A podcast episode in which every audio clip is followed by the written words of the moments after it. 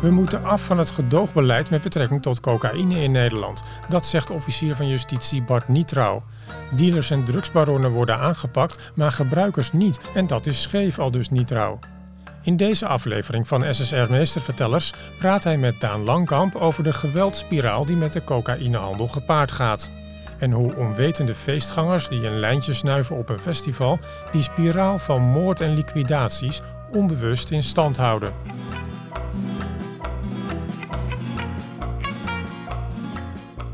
Bart Nietrouw is officier van justitie in Midden-Nederland en houdt zich vooral bezig met cocaïnezaken. Hij vindt dat Nederland af moet van het gedoogbeleid als het gaat om cocaïne.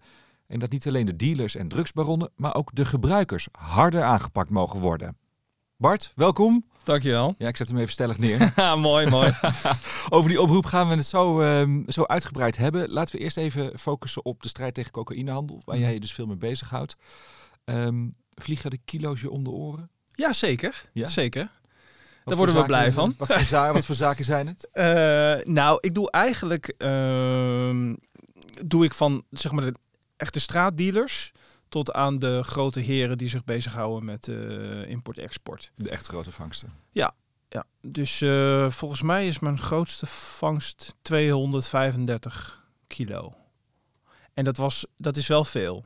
Ik was een tijdje was ik recordhouder volgens mij in, eh, in Utrecht. En toen was er een collega en die pakte gewoon hup in één keer 500 kilo. Dat was leuk voor hem.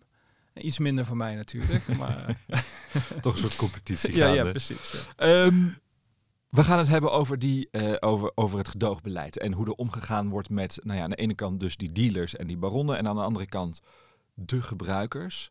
Ehm, ook omdat er afgelopen tijd veel heftige incidenten zijn geweest. Denk aan de moord op eh, advocaat Dirk Wiersum, op de broer van de kooggetuige, Nabil B. Eh, De vele explosieven die eh, in Ja. het nieuws komen, die overal her en der aan de, aan de, aan de deur van winkels wordt, wordt gehangen. Is dat allemaal kookgerelateerd? Ja, kijk, je weet dat nooit.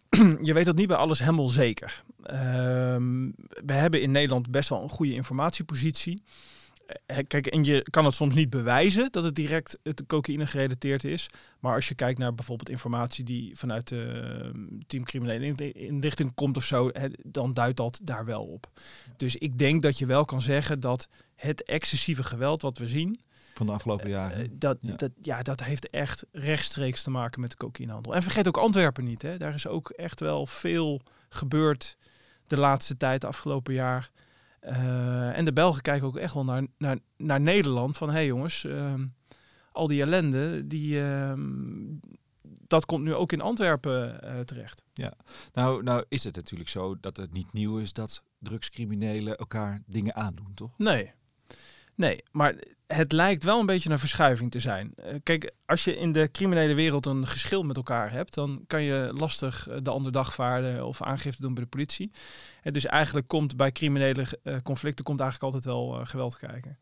Maar wat je wel ziet is dat ze het niet per se met elkaar alleen uitvechten, maar dat er gewoon gekeken wordt naar het netwerk eromheen. Het gaat om intimidatie, om vergelding. Ja, en als je de boef zelf niet te pakken kan krijgen, nou ja, dan pak je toch gewoon eh, zijn moeder. Of, eh, en ik bedoel het huis van zijn moeder, het huis van zijn kinderen. Eh, en wat natuurlijk toch ook wel nieuw en heel schokkend was, een advocaat. Want dat, het, het, het probleem wordt daarmee maatschappelijker eigenlijk. Ja, precies. Dus, Iedereen dus krijgt ermee te maken. het heeft veel meer maatschappelijke impact. En ehm, eh, jij richt je eh, nu in deze oproep vooral op cocaïne. Waarom op cocaïne en niet bijvoorbeeld op synthetische drugs als eh, ecstasy of MDMA? Die wereld. Ja, als je kijkt naar de, naar de harddrugstromen, dus, dus, dus hoe de harddrugs op de markt komen, zit daar echt een groot verschil tussen cocaïne enerzijds en heroïne lift daar een beetje op mee. Maar heroïne is natuurlijk toch een beetje vergane gloriedrugs, hè, dus dat is allemaal niet zo heel interessant meer. Dus de synthetische drugs, die, wordt, die kan je gewoon in Nederland maken. Eh, en als je gewoon googelt op eh, hoe maak ik MDMA, dan vind je gewoon de ingrediënten. Je vindt ook waar je ze kan bestellen. Dus dat betekent dat je een heel eh, makkelijk toegankelijke productiemarkt hebt. Dus iedereen die bedenkt, ik ga dat maken, nou, die kan dat gaan doen. Dus de concurrentiepositie is, eh, ja, die markt is gewoon heel groot. Dus er is niet zoveel reden om elkaar de tent uit te vechten. Als je kijkt naar cocaïnehandel, cocaïne kan je gewoon niet maken in Europa. Eh, dat gebeurt echt in de bronlanden. voor nodig. Ja, dan heb je gigantische hectares nodig. Wil je, een, eh, wil je een fatsoenlijke hoeveelheid cocaïne eruit halen? Ehm, dus dat gebeurt in de bronlanden in Zuid-Amerika. En dat naar Nederland krijgen, of naar Antwerpen, dat is natuurlijk hartstikke moeilijk. Dat kan niet iedereen. Ehm, en die markt, dus dat omslagpunt van import-export, dat is in handen bij een beperkte groep. En in die beperkte groep is gigantisch veel concurrentie. En die lui die, even op cru gezegd, die naaien elkaar allemaal. Die stelen elkaars cocaïne. En daar gebeuren al die conflicten. Ze hebben het in het kader Daar, over ook, het- daar zitten dus ook die risico's en daar die- zitten de risico's. Ja. Ja. ze hebben het over het zandlopermodel. Dat is altijd wel goed om even eh, voor de geest te halen. Hè. Dus aan de bovenkant van de zandloper heb je de productie in, in de bronlanden. Daar zijn er heel veel boeren die zich daarmee bezighouden. En dan wordt het aantal mensen wat zich bezighoudt met de import-export wordt steeds kleiner tot bij het middelpunt van de zandloper. Het smalste punt. Het smalste punt. Eh, en dat heb je in Nederland natuurlijk ook. Hè. De, degene die importeren en helemaal in Nederland onderaan de zandloper, het breedste punt. Daar heb je het over de straathandelaren eh, en natuurlijk ook de eindgebruikers.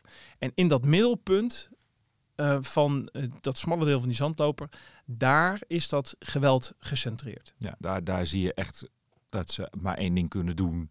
Tanden laten zien Ja. aan, aan de, aan de Ja, je kan het je ergens ook natuurlijk wel voorstellen. Als jij eh, voor eh, een paar miljoen eh, cocaïne hebt ge- geïmporteerd en je spul wordt gestolen. Ja, ehm, je kan niet op een legale manier er iets aan doen. En als je niet je tanden laat zien, ja, dan gebeurt het de volgende keer weer. En bovendien, je geld is weg. Dus je moet het ook terug zien te krijgen. En daar, eh, hè, waar dat denk ik vroeger veel meer op elkaar gericht was. Hè, als je mij pakt, dan pak ik jou is het nu meer als je mij pakt, dan maakt het me niet uit als ik je maar raak. En dan pak ik je familie of jou of eh, maakt niet uit wie. Ehm, nu wordt er vanuit politie en justitie flink ingezet op, eh, op het bestrijden van die handel. Hè, voor, de, voor de import. Probeert overal onderscheppingen te doen. die wereld goed in kaart te brengen. Ehm, maar jij wil ook kijken naar de gebruiker. Naar de, naar de gebruiker van coke. Waarom? Nou, wat ik raar vind, ehm, en, en ik denk eigenlijk ook gewoon niet helemaal eerlijk, is dat we heel erg inzetten op eh, repressie als het gaat om de, de handelaren. Eh, Ik heb zelf heel veel eh, onderzoeken gedaan hier in Utrecht, waar we nu zitten. Vooral in Utrecht-Zuid. Eh, daar wonen een heleboel dealers en elk jaar vegen we een heleboel dealers van de straat. En die jongens die gaan allemaal de gevangenis in. Praat je niet over jaren, maar wel maanden. Dat zijn relatief jonge jongens. En die stuur je naar de gevangenis. Dat verdienen ze, want die staat gewoon straf op. We moeten de norm moeten we handhaven. Als je kijkt naar de, naar de grotere criminelen, eh, heeft recent ook de minister van Justitie gezegd: we willen eigenlijk die, dat strafmaximum willen we, willen we verhogen. Er, staan er worden hele forse straffen opgelegd. Dan, dan heb je het over soms tien jaar als je je bezighoudt met import-export. Dus daar zetten we heel streng in, omdat we vinden dat die cocaïnehandel streng bestraft moet worden. En aan de andere kant lijkt het maatschappelijk redelijk geaccepteerd te zijn dat je af en toe cocaïne snuift. Ja, Op dat, feestjes, festivals. ja, dat is toch wel een beetje gek. Ehm, en daar voel ik wel echt eh, ja, steeds meer ongemak. Daar, daar wringt voor jou de schoen. Ja, daar wringt echt de schoen. Als je kijkt naar de cijfers, ehm, je hebt de drugs, eh, de landelijke nationale drugsmonitor. In 2021 eh 350.000 eh, volwassenen hebben cocaïne gebruikt. En het gebruik is het hoogst onder mannen, jongvolwassenen en hoogopgeleiden. En daar wordt dus niks aan gedaan eigenlijk. Dat vinden we dan een soort van Ja. normaal. Ja, ja. ja, dat is toch een beetje gek. Ja. En, en slaat dat dan ook terug op het geweld wat er aan die cocaïnewereld vasthangt? Nou, lijkt, mensen lijken het zich niet, eh, niet te beseffen, denk ik. Een tijdje terug heeft de BNN heeft een heel interessant programma gemaakt... waarin ze met een, eh, een paar jongeren die ook wel drugs gebruikten... eh, waar, waarbij ze hun eigenlijk met de neus op de feiten drukten. Ze gingen ook echt naar Colombia, gingen praten met de nabestaanden van een doodgeschoten rechter. En ondanks dat dat zo heftig was en dat ze het zelf eh, ervoeren...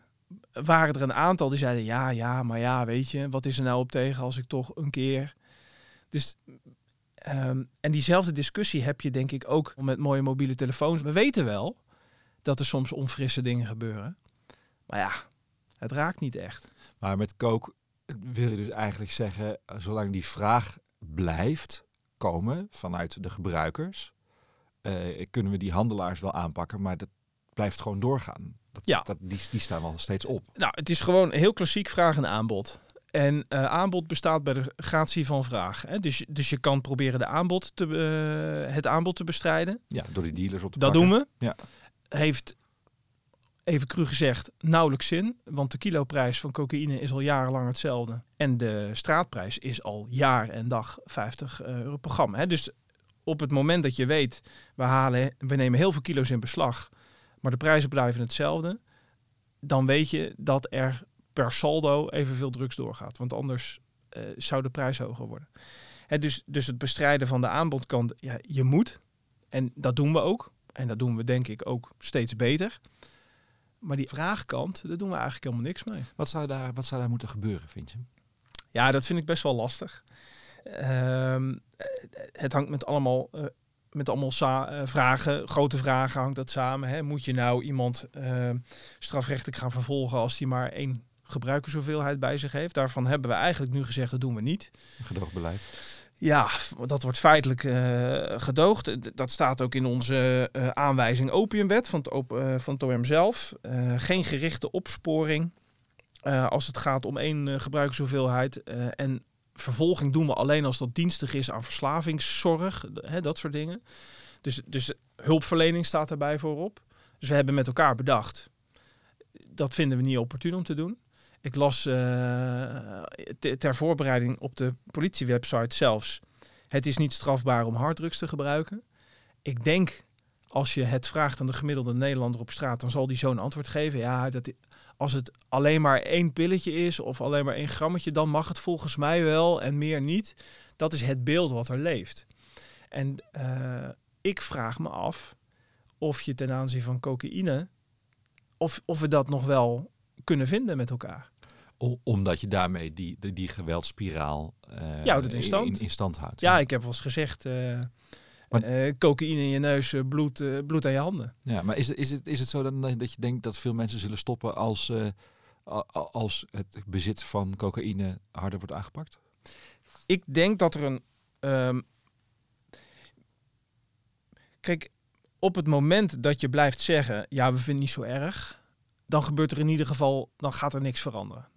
Want dat er excessief geweld kleeft aan cocaïnegebruik, dat weten we allemaal wel. En dat heeft kennelijk niet echt geholpen, want uh, in 2021 is het cocaïnegebruik toegenomen ten opzichte van 2020.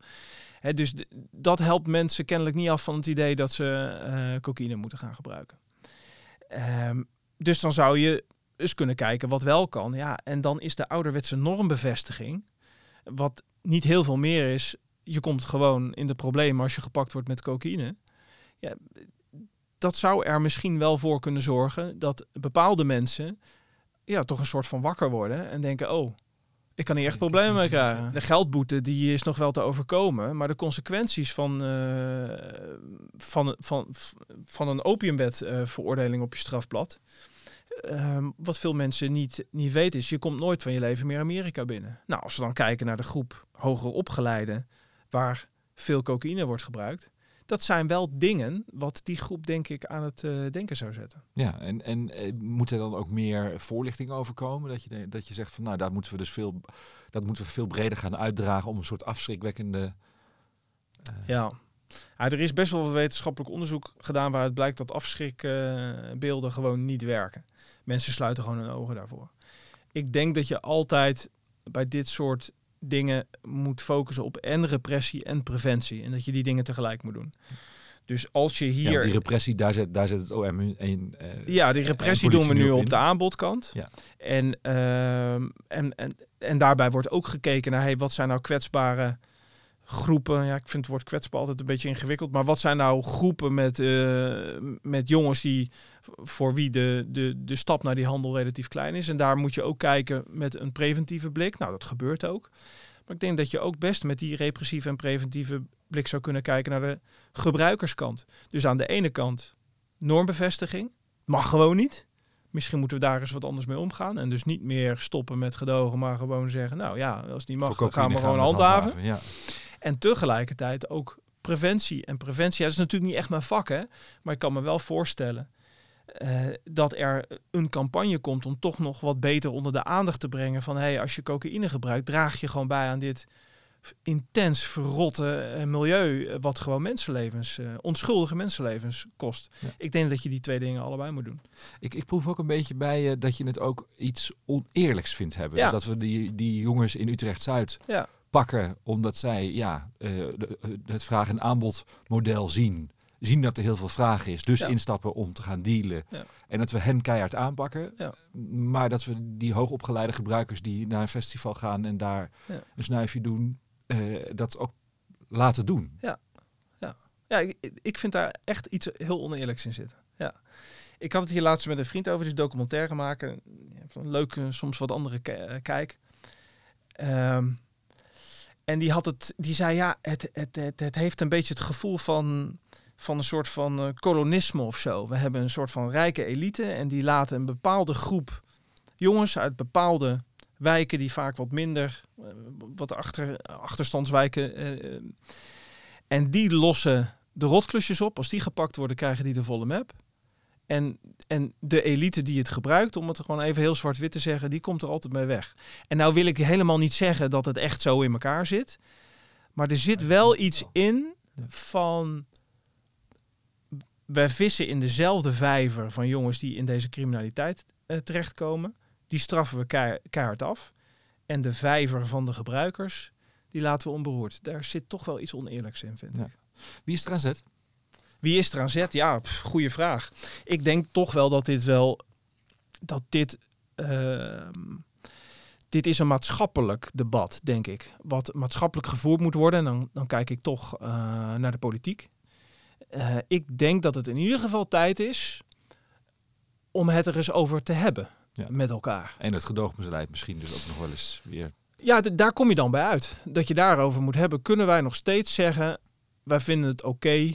want dat is eigenlijk de boodschap die we, denk ik, met elkaar ehm, beleiden. Ja, als het alleen voor eigen gebruik is, daar doen we niet moeilijk over. Nou, Maar aan de andere kant, je werkt voor het OM. Jullie hebben een aanwijzing waarvan je zegt, nou ja, daar doen we niks mee. Eén, één ge- eh, gebruikershoeveelheid, eh, daar gaan we niet achteraan. Natuurlijk ook vanuit de politiek zo ingegeven Ja. uiteindelijk. Je zou ook intern die, die, dat debat kunnen voeren en zeggen, nou, we gaan als OM hier gewoon eens wat harder in staan en eens kijken of de rechters daarin meegaan in de rechtspraak. Nou ja, kijk, je kan dat niet zomaar doen. Hè? Kijk, wat, wat staat in die aanwijzing, daar moeten we onszelf ook eh, aan houden. Ehm, en er zijn ook richtlijnen. Ehm, het OM heeft ook een richtlijn. Als je gepakt wordt met één pil of een halve gram en je doet er afstand van, dan word je verder niet eh, vervolgd. En het, het kan natuurlijk niet zo, zo zijn dat ik nu in Utrecht denk, nou weet je wat, ik ga gewoon lekker iedereen wel vervolgen. Want dan zullen die mensen terecht zeggen, ja ho eens even, er Dat is, gewoon, eerlijk. dat is niet eerlijk. Ja. En dan hebben ze daar een punt. Dus ik denk toch dat je deze discussie moet toch wel een beetje eerst bovenin gevoerd worden. En dan misschien resulteren in een ander beleid. Eh, Dus ja, je dat- merkt, dus ik ben dat- een beetje voorzichtig. Ja, dat klinkt, wel- dat klinkt wel alsof je een appel gaat doen op eh, de nieuwe minister van Justitie. Zeker, verkiezingen zijn Zeker. geweest. Nee, ik vind echt dat de politiek het hierover moet hebben. Ik zeg niet welke kant de discussie op moet. Maar ik vind wel dat hier eens goed over nagedacht moet worden. Nou, dan ben ik, eh, ben ik heel benieuwd en dan gaan we zien wat er uitkomt. Dankjewel, Bart Nietrouw, officier van Justitie in de regio Midden-Nederland. Dit was SSR Meestervertellers. Blijf op de hoogte en abonneer je op deze podcast. Graag tot de volgende keer.